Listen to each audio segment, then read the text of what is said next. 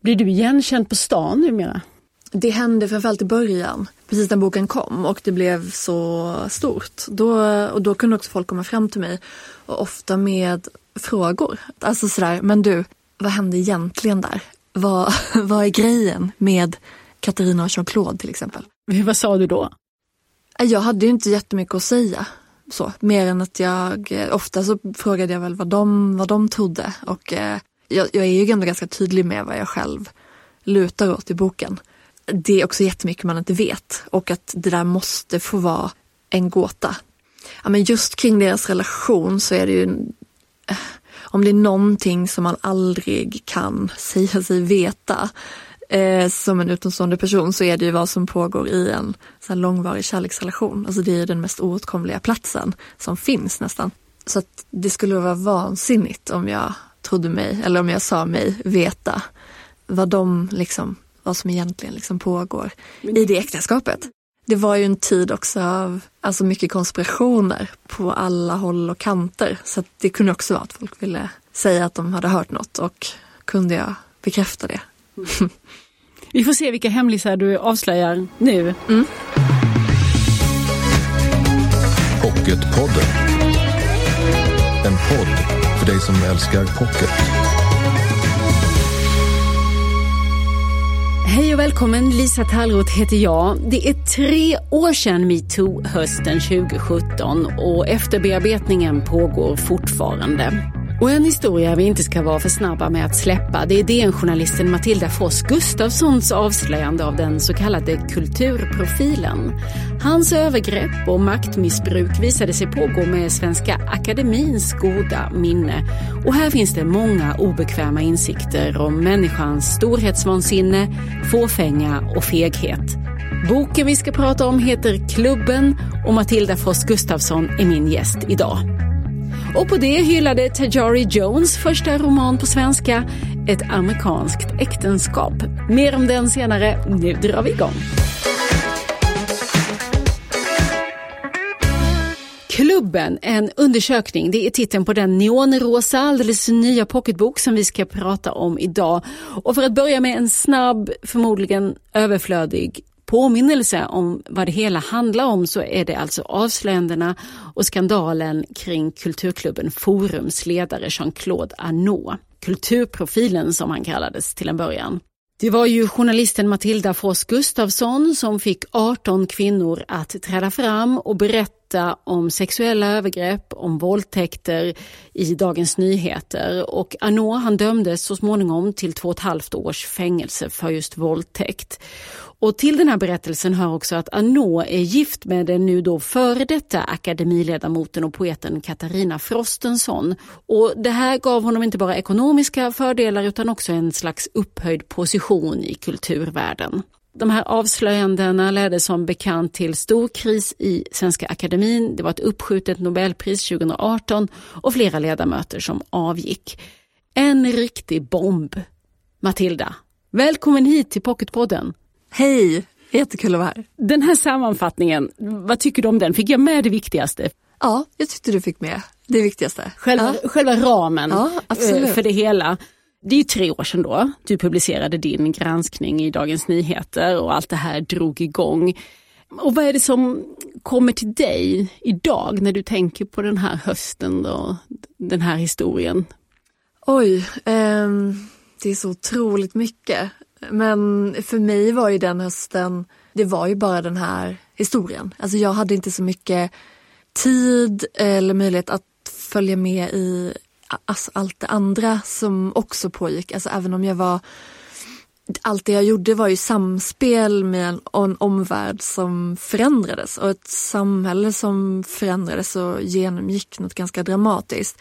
Så att allt det påverkade mitt arbete och på många sätt möjliggjorde det arbetet. Men för mig var det ett sånt hyperfokus på just det här, den här historien och det här arbetet som pågick dygnet runt under ganska lång tid. Men som var så intensivt för att man inte visste och inte alls, inte ens kunde gissa sig till vad konsekvenserna skulle bli. Eh, och där det också in i det sista var oklart om jag skulle kunna publicera det här och publicera de här vittnesmålen. Minns du det som en, som en svår tid, som en rolig tid?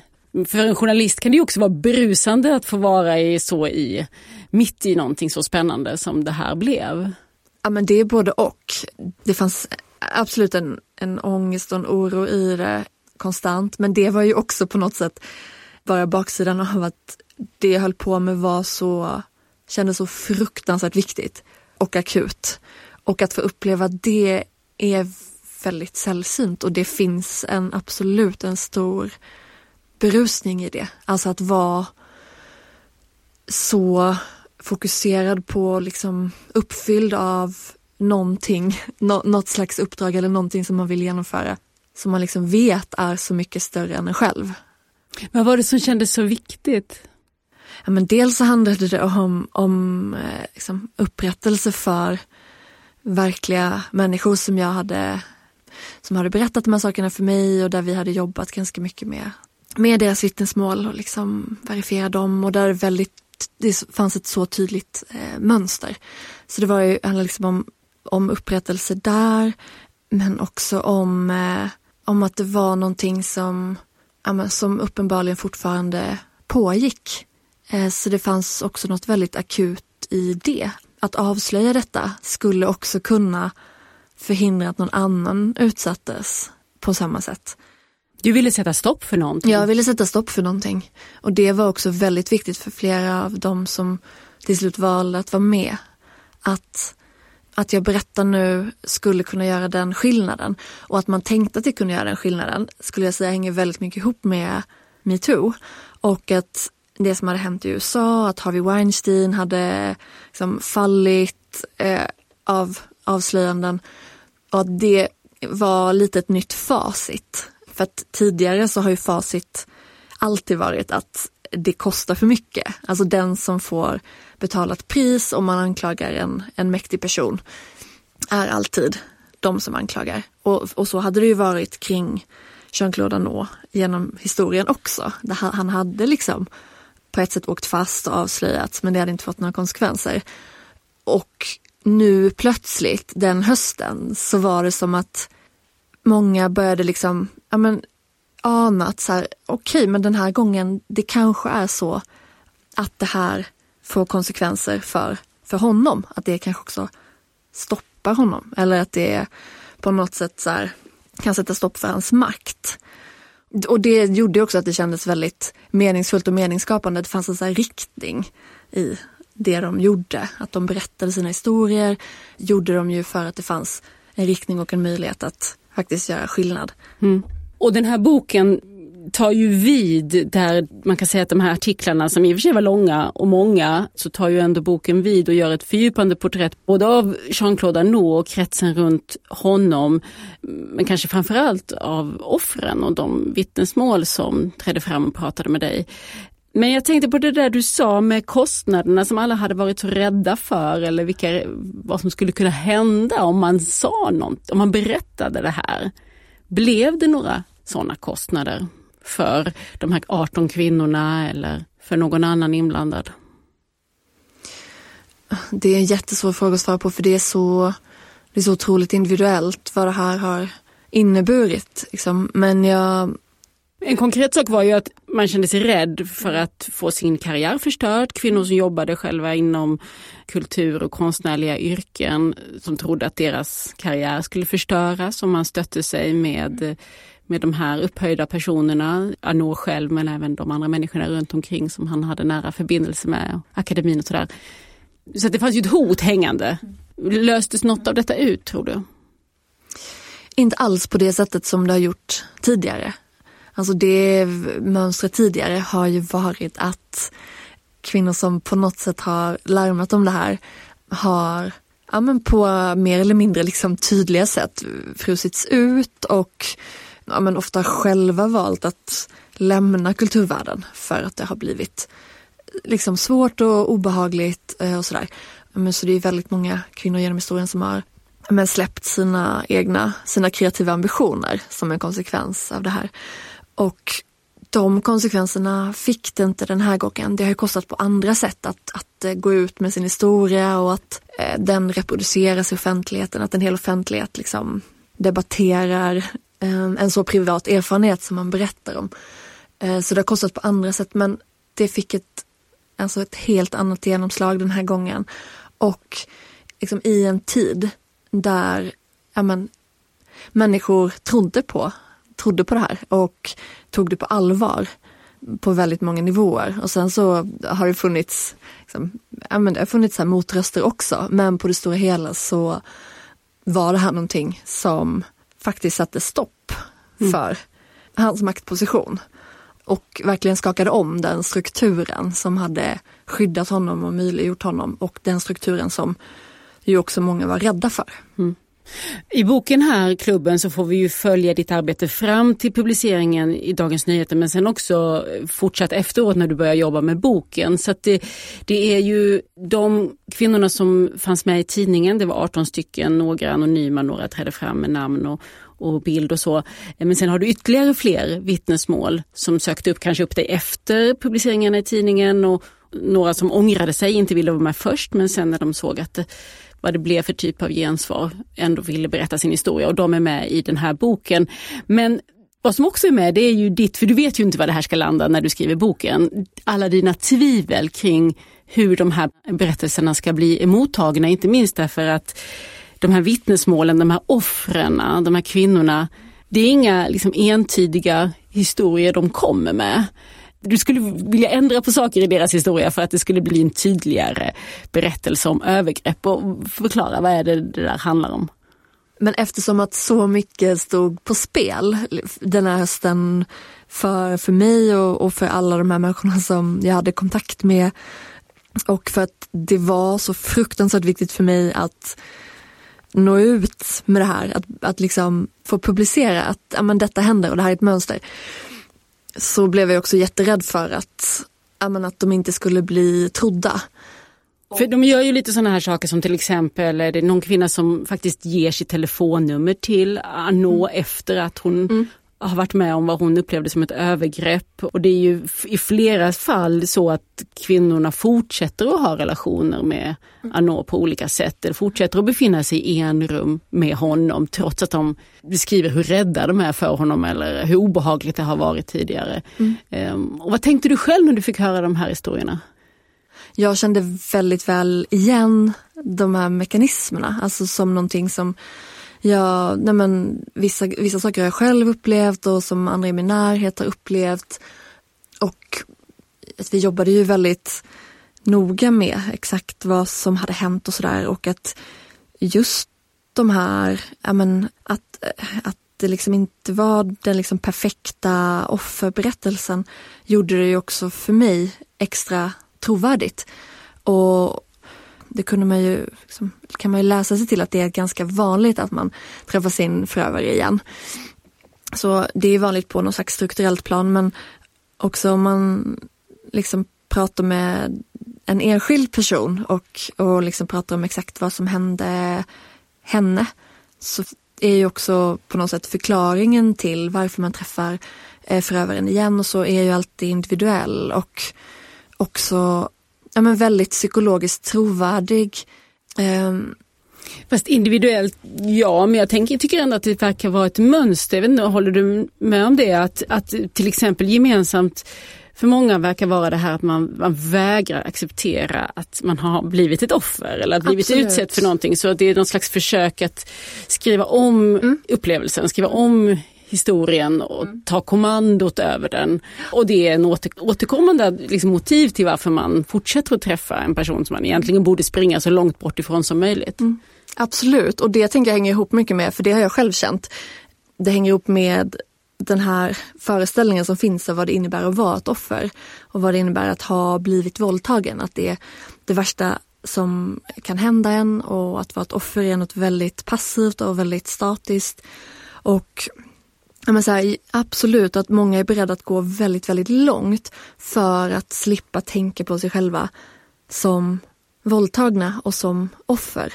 Och att, att träffa förövaren igen blir, kan bli ett sätt att liksom vilja, sätt att lite normalisera situationen. Och för sin egen skull skriva om det som hände. Och också ett sätt att lite försöka ta kontrollen över någonting. En del av efterdiskussionen har ju faktiskt handlat eh, om det du befarade också, att, mm. att liksom, hur, hur, illa kan det vara om hon gjorde så här? Mm. Hur stort problem tycker du det där har varit för, för dig och för dina offer kanske jag ska säga? Framförallt att de inte har blivit trodda just för att de har betett sig motsägelsefullt. Um, nej men det, det har ju kostat att bli, att få sin historia liksom dissekerad och ifrågasatt på det, på det sättet. Men jag upplever ändå liksom på det stora hela och det här är en av de, för mig, de stora sakerna som kom ur eh, metoo. Att det finns en mycket större förståelse liksom brett i samhället för hur övergreppssituationer väldigt ofta ser ut på riktigt. Jag tror inte, idag skulle jag inte tveka på det sättet som jag gjorde då. Att jag liksom verkligen kände så här, kommer människor, kommer de bli trodda överhuvudtaget? Jag skulle nog inte tänka så idag för att jag upplever att den här kunskapen som funnits inom forskningen och delvis också inom rättsväsendet om verklighetens offer eh, och verklighetens övergreppshistorier. Den har spridit sig. Så jag tror att väldigt många fler människor idag har fått en liksom mycket ja, men bredare och mer nyanserad bild av de här brotten. Mm. Och offren är ena sidan av det här. Du försöker ju också fördjupa och förstå dig på förövaren.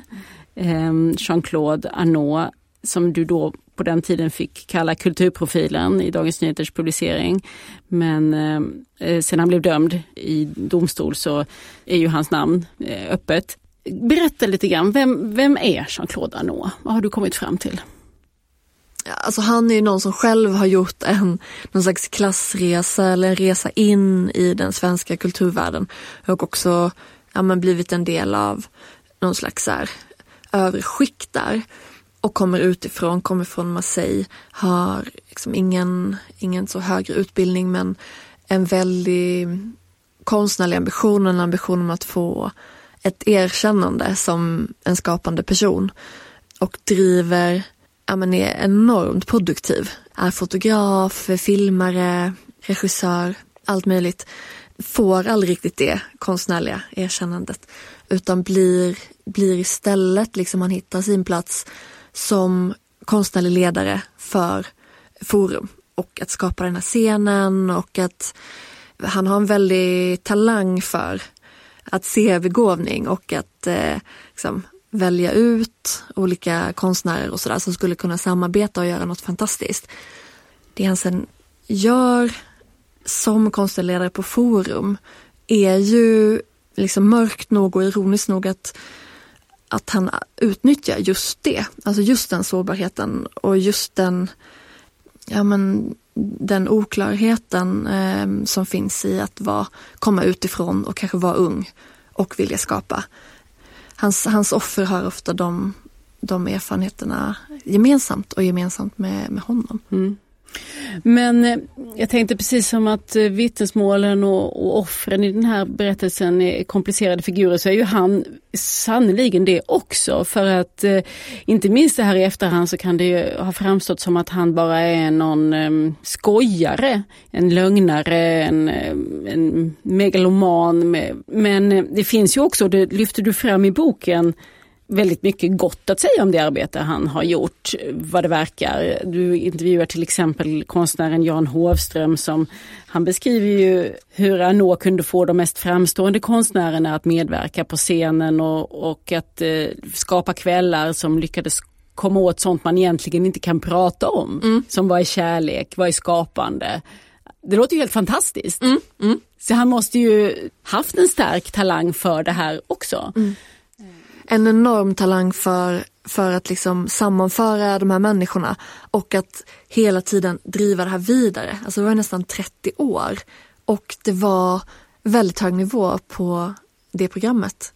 Tyckte du att det var svårt att försöka göra en rättvis bild av Jean-Claude Arnault? Du har ju inte haft särskilt stor tillgång till honom personligen. Ni har något väldigt kort eh, samtal på telefon eh, precis där när, när, när tidningarna publicerat den första artikeln och går egentligen bara ut på att han avfärdar alltihop och sen lägger på luren. Hur har du hanterat det? Eh, men det har varit frustrerande och känts tråkigt att den människa som, som jag verkligen skulle, jag skulle så gärna vilja höra hans version av, av väldigt mycket. Och kanske framför allt höra hans version av sin bakgrund, sin uppväxt, eh, hur han upplevde upplevelsen av att komma till Sverige. Så att det har varit väldigt synd och jag, jag hade det som en väldigt stark ambition att försöka skapa förståelse och försöka komma så nära hans historia och honom som det bara, det bara går. Du reser till Frankrike, hans hemland och eh, du beskriver om i boken hur du letar runt på gatorna i Marseille och hittar hans eh, barndomsadress. Vad gav den där resan till Frankrike, tycker du? Men det var en ganska, det var en väldigt svår resa. Och jag tror för mig, det är väldigt ovant och jag, jag har i alla fall aldrig tidigare som journalist försökt porträttera någon eh, som på något sätt är bortvänd. Som inte själv pratar med, med mig. Så det är en väldigt speciell situation och en som rymde väldigt mycket tvivel liksom, på vad, ja, men vad, vad, vad kan jag säga, vad kan jag skriva. Det, så den resan eh, gav mig inte, inte sådär direkt, inte så mycket kött och blod. Alltså jag, man hade velat prata med, med släktingar, med barndomsvänner och sådär. Um, Hittar du inte några eller vill de inte vara med?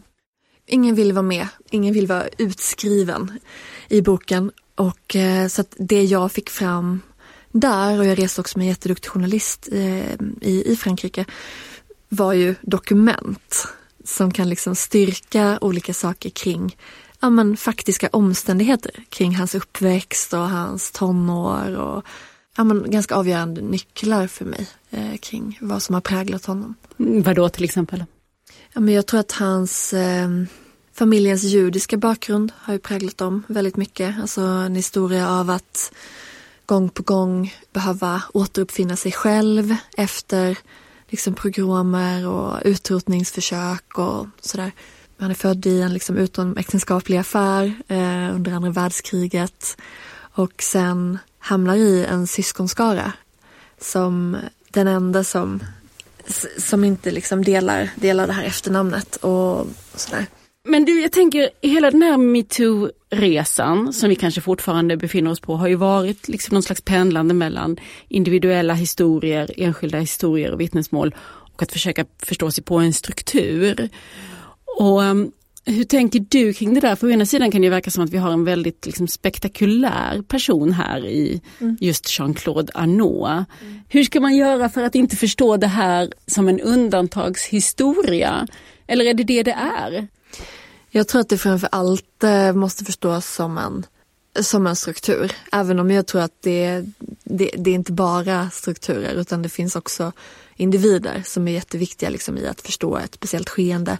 Men det handlar om strukturer och i det här fallet, alltså mycket som är allmänmänskligt i hur en tystnadskultur uppstår. Och det tycker jag framgår väldigt tydligt när Svenska Akademin träffas den här första gången efter avslöjandet och eh, själva försöker reda ut varför de inte har sagt någonting och agerat trots att de har vetat vissa saker.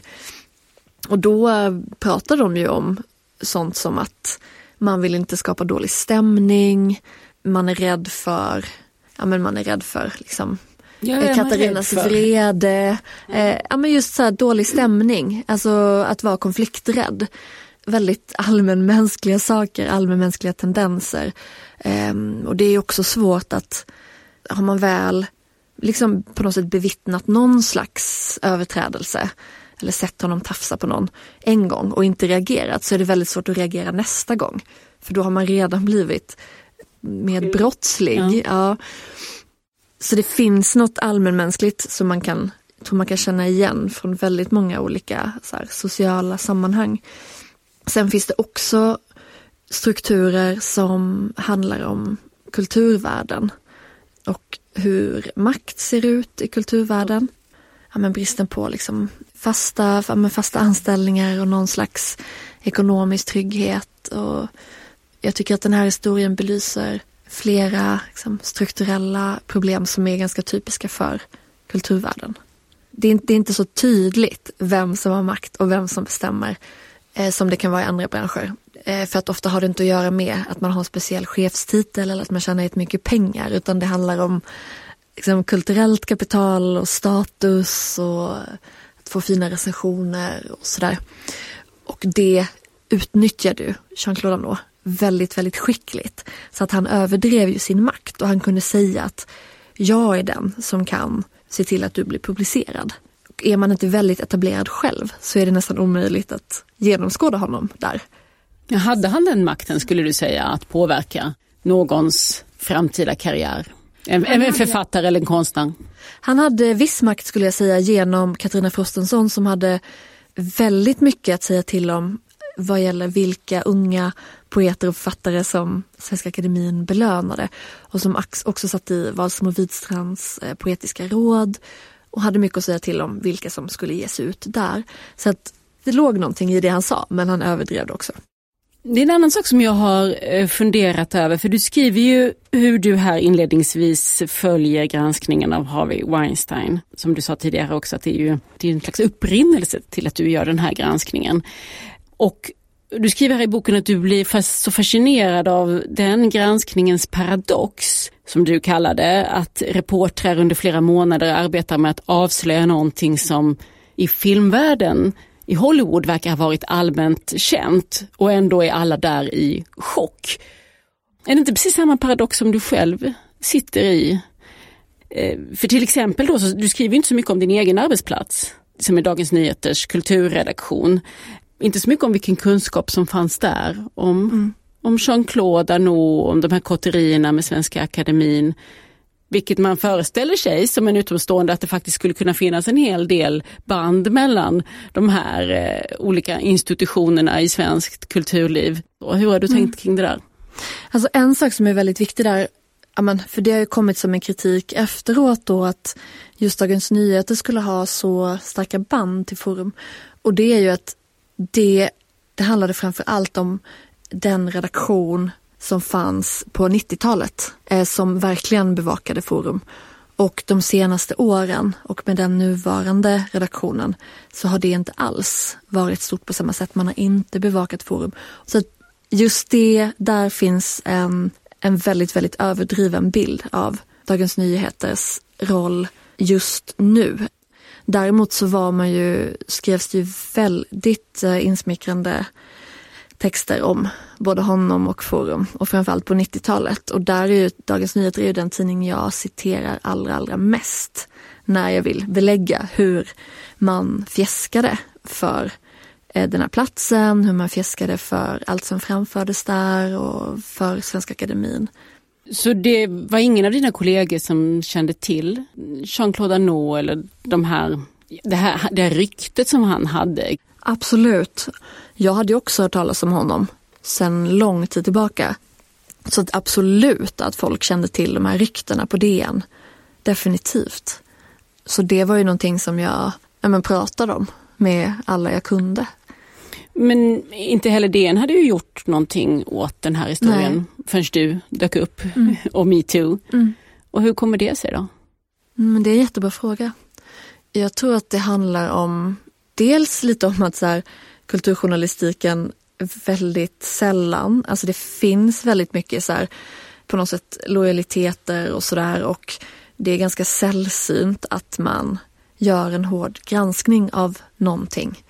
Och liksom, det är också så att många på kulturredaktioner eh, och även på DN, alltså att man har lite så dubbla roller, att man är kulturjournalist men man är också kanske författare och månar om sitt anseende där och så. Men sen tror jag en jättestor förklaring är tidsandan. Alltså jag hade ju varit på DN väldigt länge och haft det här kanske lite i bakhuvudet men faktiskt aldrig medvetet tänkt att jag kunde börja undersöka det här. För att det var en så omöjlig tanke att den inte ens dök upp. Um, Varför är den, var den så omöjlig tror du? Därför att den här frågan existerar inte riktigt som någonting som man tog på allvar. Sexuella trakasserier och övergrepp, den existerade inte som någonting man kunde eh, granska. Ja, man kunde exponera och kunde göra det på ett, på ett etiskt sätt. Så jag tror att det inte riktigt fanns som möjlighet. På ett sätt som, ja men, efter att det började göras, efter att det var gjort, framstår som så konstigt och så snävt. Men för mig var det så. Den här idén om att göra någonting om Jean-Claude Arnault Forum, den var vag tills jag läste om Harvey Weinstein och tills liksom, det här skeendet drog igång den hösten. Då blev det konkret. Kanske liksom stämningen i hela berättelsen att eh, man får för sig att någon mäktig person ska sätta stopp för det här eller dra i någon tråd eller någonting ska hända. Det är ju också det som, som alla vittnesmålen, alla kvinnorna är oroliga för. Det är liksom oron som genomsyrar hela den här historien. Att mm. Någonstans finns det någon som är mäktig nog att sätta stopp för det här. Mm. Levde du själv i något av det här, i rädsla för det här? Ja, och det är ju den här paranoian i kulturvärlden som ju mycket uppstår för att det är så oklart vem som bestämmer och hur saker fungerar. Eh, den paranoian som Jean-Claude Arnault verkligen spred och, och använde sig av. Så jag smittades av den en ganska kort period men när jag, jag pratade med flera personer som just gav uttryck för att ja, men, eh, Jean-Claude Arnault hade så liksom, starka band till Dagens Nyheter och att han i princip kunde, kunde stoppa publiceringen. Att så här, ja, men det kommer komma någon och knacka dig på axeln och säga att jobbet är ställt. Och den misstanken liksom, smittade mig så att jag liksom, under en väldigt kort period men började tviv, ja, men, så här, ifrågasätta. Så här, vad, vad står egentligen min egen redaktion i det här? Sen var det väldigt tydligt att de eh, de stod bakom den här granskningen.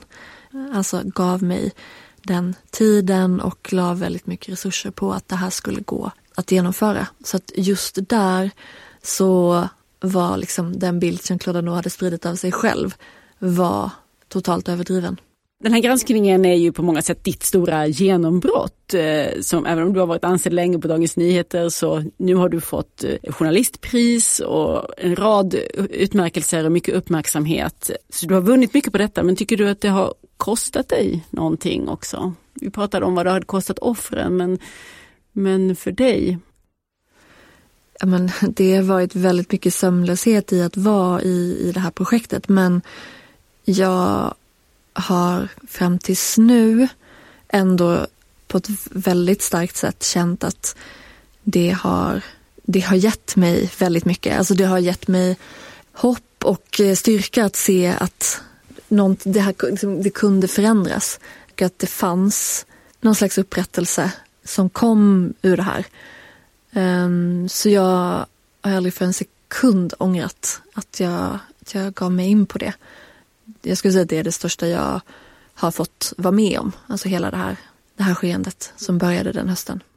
Det är en väldigt intressant eh, skildring. Jag vet att det är fler som har sagt det där att man trodde liksom inte att, att det fanns mer att veta om den här historien men det gör det och det finns ju det är en fördjupning mm. eh, framförallt eh, och en komplicering. Om man, mm, mm. Det låter inte som rätt ord men, jo, men det, det, det, det, det är komplicering. Ja. Du gör det ännu mer komplicerat än vad det var. Därför att det finns fler bottnar i det här och det finns både individuella och strukturella aspekter som, eh, som är väl värda att fundera på.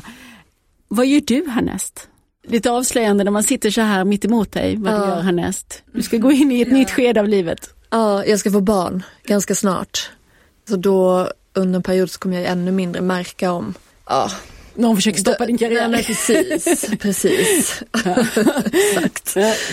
För, ja, mm, kommer ändå ändå stoppas. Mm. Men annars så är det fortsatt Dagens Nyheter som är din hemvist och eh, inom kulturjournalistiken och om det blir fler böcker någon gång, det, vet du det? Um, nej, det vet jag inte. Jag, jag hoppas att det blir det, men jag, jag har inte kommit eh, liksom, till den punkten i någonting än. Nu är det klubben som är pocketaktuell. Matilda Foss Gustafsson, tusen tack för att du kom hit till Pocketpodden. Tack så mycket. Pocketpodden. Nu ska det handla om en annan pocketnyhet, inte bara en utan tre är det faktiskt. Tre romaner, amerikanska samtidsskildringar som alla på olika sätt speglar tematiken inom Black Lives Matter-rörelsen. Det amerikanska Jasmine Wards roman Det döda sång som har belönats med National Book Award, det kanadensiske David Charlandis roman Bror och så Tayara Jones, ett amerikanskt äktenskap som jag tänkte att vi skulle prata lite mer om nu eftersom jag har förläggare Teresa Knochenhauer på tråden. Hej! Hej Lisa! Vad är detta för roman, ett amerikanskt äktenskap? Det är en um, relationsroman, det är en kärleksroman, det är en familjeroman. Det är en roman om ras, rasmotsättningar, om klass. Det är en roman om människor i dagens USA, skulle jag vilja säga. Och det här att eh, vi kopplar det till Black Lives Matter-rörelsen, tycker du att det är, är, logiskt eller är det så författaren också har tänkt? Eller hur ska man, hur ska man se på det där? Ja, eh, nej men jag tycker absolut att det är logiskt och det kan man absolut göra, koppla det till, till den rörelsen. Sen är ju hon ingen politisk författare. Hon brukar säga att talk about people and their problems, not problem and their people. Så hon utgår ifrån liksom människan så att säga, men, men det är ju människan i en kontext och i en miljö.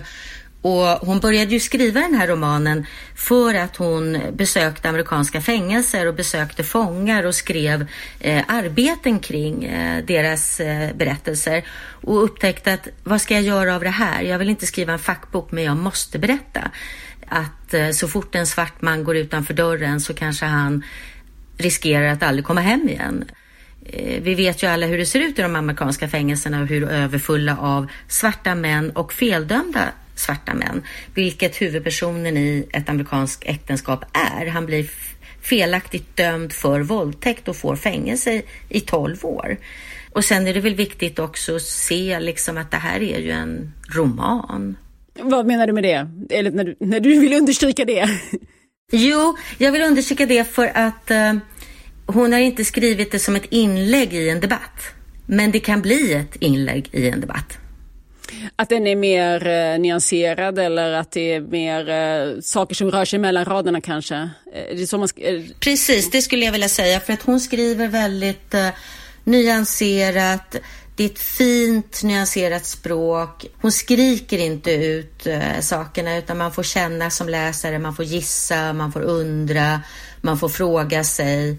Och det är väl det som ibland är romankonstens stora fördel tycker jag, att det blir så mångfacetterat. Och Tara Jones, vad kan du berätta om henne? Hon är ju, in, det här är inte på något sätt en debut, men kanske hur är det med tidigare utgivning på svenska? Det här var den första som kom på svenska och det är hennes fjärde roman.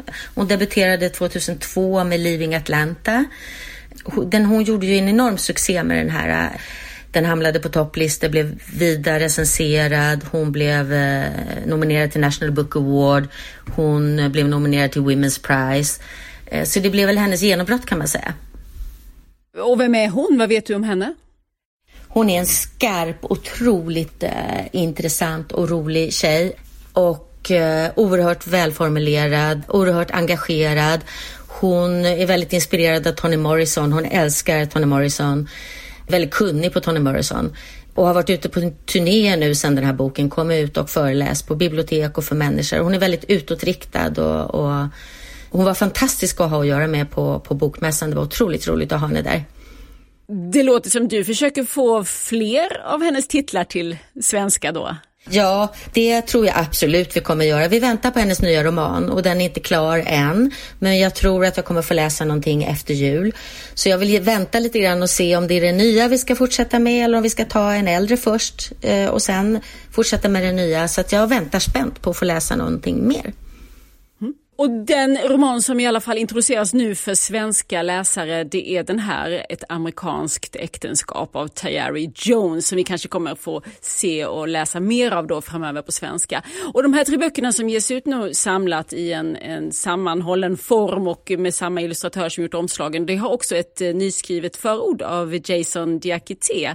Eh, har du läst det Teresa? Ja det har jag gjort. Väldigt, väldigt fint förord och ett förord som eh, passar alla tre titlarna i och för sig, men jag kan ju Tajari bäst och det, han skriver så fint som precis Tajari själv skulle skriva under på. Hon har fått läsa det och hon fick det översatt och hon tyckte att det passade så klockrent med hennes eh, avsikter och hennes eh, roman. För han skriver också väldigt mycket om att vi är ju alla trots allt människor. Jättefint. Tusen tack Teresa Knochenauer, förläggare på Forum. Tack! Ja, vän av ordning kanske undrar var Steve Sem Sandberg tog vägen. Han skulle ju ha varit gäst den här veckan i Pocketpodden, men han kommer nästa vecka istället. Så fick det bli. Då ska vi prata om romanen W. Se fram emot det och roa dig under tiden med att lyssna på podden Poesi för alla det är en annan förträfflig podd från Bonnierförlagen. Där kan du höra poeter som Anna Hallberg, Athena Farrokhzad och Johan Jönsson läsa och prata om sina favoritdikter och poeter. Och Poesi för alla hittar du på samma ställe som du hittar Pocketpodden. Följ oss gärna i sociala medier. Där heter vi Älska Pocket och jag heter Lisa Tallroth. Hej så länge! Du har lyssnat på Pocketpodden. En podd från Bonnierförlagen.